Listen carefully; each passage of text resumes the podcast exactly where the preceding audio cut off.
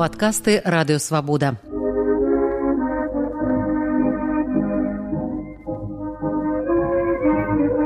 Сто гісторый пра БНР Сергеем шупам.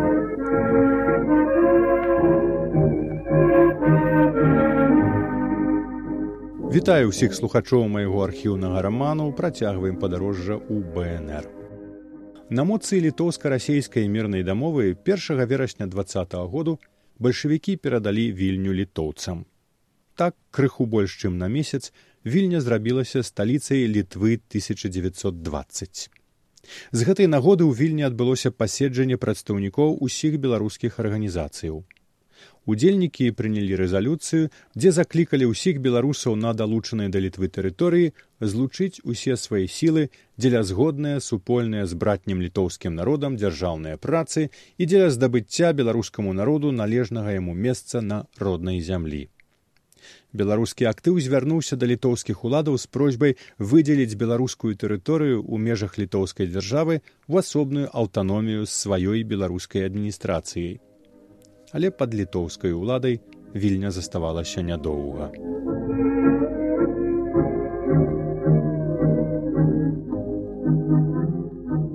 У сярэдзіне жніўня адбыўся нечаканы паварот у польска-расейскай вайне.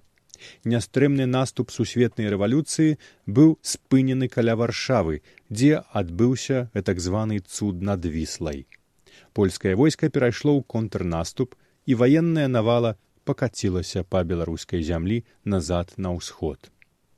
І ў гэты момант Ленін зноў падумаў пра Беларусь. Необходимо налечь изо всех сил, чтобы белорусские рабочие и крестьяне хотя бы в лаптях и купальных костюмах, но с немедленной и революционной быстротой дали вам пополнение в тройном и четверном количестве. Писал ён у жніўні 1920 калі чырвонай арміі катастрафічна не хапала людскіх рэсурсаў, каб стрымаць новы наступ палякаў.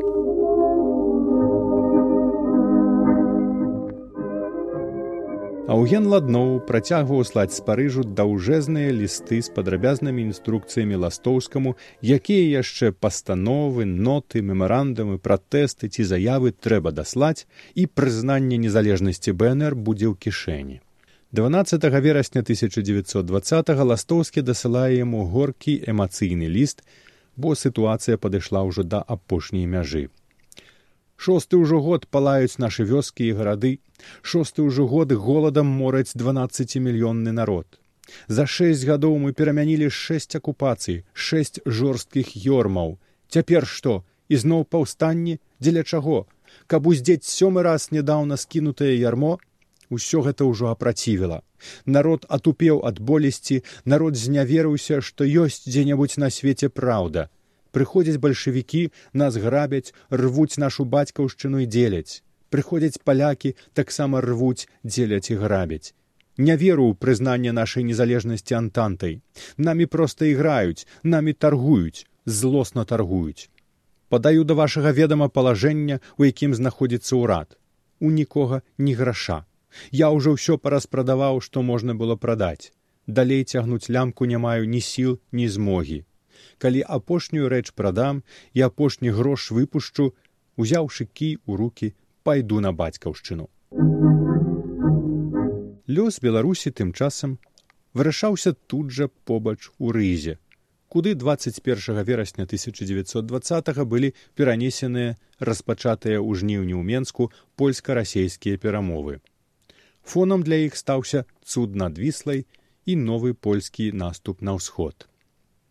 Урад бнр звярнуўся да мірнай канферэнцыі ў парыжы да ўрадаў польшчы і рассеі з патрабаваннем даць на перамовах месца беларусі была сфармаваная дэлегацыя бнр на чале з ластоўскім якая выступіла з дэкларацыяй дзе патрабавала ад рассеі і польшчы прызнання незалежнасці беларусі і допуску на перамовы расійска-украінская дэлегацыя на перамовах прадстаўляла таксама і савецкую беларусь якая дэлегавала ёй свае паўнамоцтвы. Дэлегацыя бнр вяла неафіцыйныя гутаркі як з польскім бокам на розных узроўнях так і з прадстаўніком бсср александром чарвяковым які прысутнічаў на канферэнцыі толькі як старонні глядач У гутарках чарвякоў запэўніў, што савецкі беларускі ўрад, стоючы на грунце этнаграфічных межаў з Польшчай, на падзел Беларусі не згодзіцца, рыхтаваны мір будзе ігнараваць і лічыць сябе надалей у стане вайны з польскім імперыялізмам.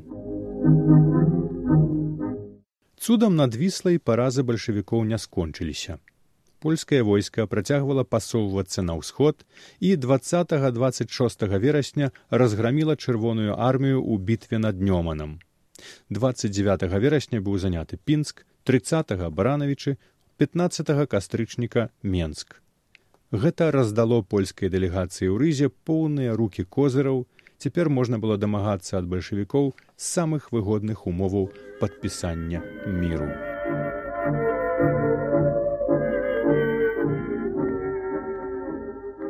Італьянскі паэт Габрыеля Данунцыо у верасні 1919 году на знак пратэсту супраць рашэння парыскай мірнай канферэнцыі перадаць Югаславіі населены пераважна італьянцамі горад Фіюме па-харвацку Река, узняў добраахвотніцкія вайсковыя аддзелы і насуперак пазіцыі італьянскага ўраду заняў горад, абвясціўшы сябе правадыром паэт напісаў канстытуцыю, дзе былі намяшаныя анархісцкія, протафашысцкія і дэмакратычна-рэспубліканскія ідэі.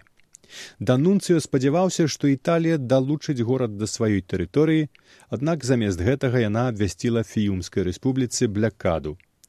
Дамова ў рапалла ў лістападзе два надала фіюме правы незалежнай дзяржавы, але паэт дамовы не прызнаў і абвясціў італіі вайну італьянская авіяцыя і флот за пару дзён пакончылі з палітычнай паэзіяй.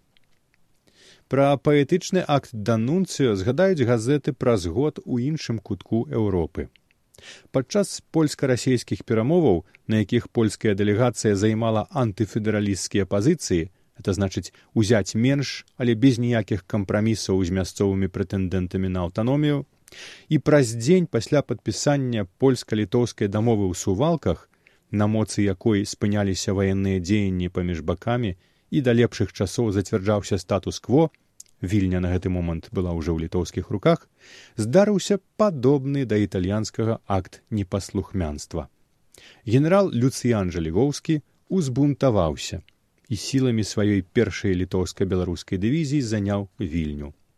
Пелсудскі які дарэчы і выдумаў гэтую камбінацыю зрабіў выгляд што не мае да яе ніякага дачынення. На занятыя бунтаўнікамі тэрыторыі, а гэта дзесяць паветаў з вільняй, ашмяной, свінцянамі, трокамі і смаргонню, была абвешчаная сярэдняя літва, квазідзяржава з сваімі грашмі, сімволікай, паштовымі маркамі, дзе 40 процентаў насельніцтва складалі беларусы. Двое беларусаў, якія прыехалі ў вільню разам з дывізіяй жалігоўскага, Вацлаў Івановскі і Браніслаў Тарашкевіч увайшлі ў орган выканаўчай улады сярэдняй літвы часовую кіраўнічую камісію. Першы з іх кіраваў дэпартаментам прамысловасці, другі асветы. Пытанне палітычнай прыналежнасці сярэдняй літвы меўся вырашаць соем, выбары, у якія адбыліся 8 студзеня 22 году пры байкоце беларускага літоўскага насельніцтва. 20 лютага 22 соем сярэдняй літвы прыняў рашэнне пра далучэнне да польшчы.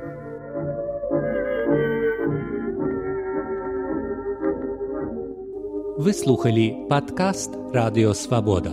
Усе падкасты свабоды ў інтэрнэце на адрасе свабода кропка орг. Штодня у любы час у любым месцы, калі зручна вам. Свабода кропка орг. Ваша свабода.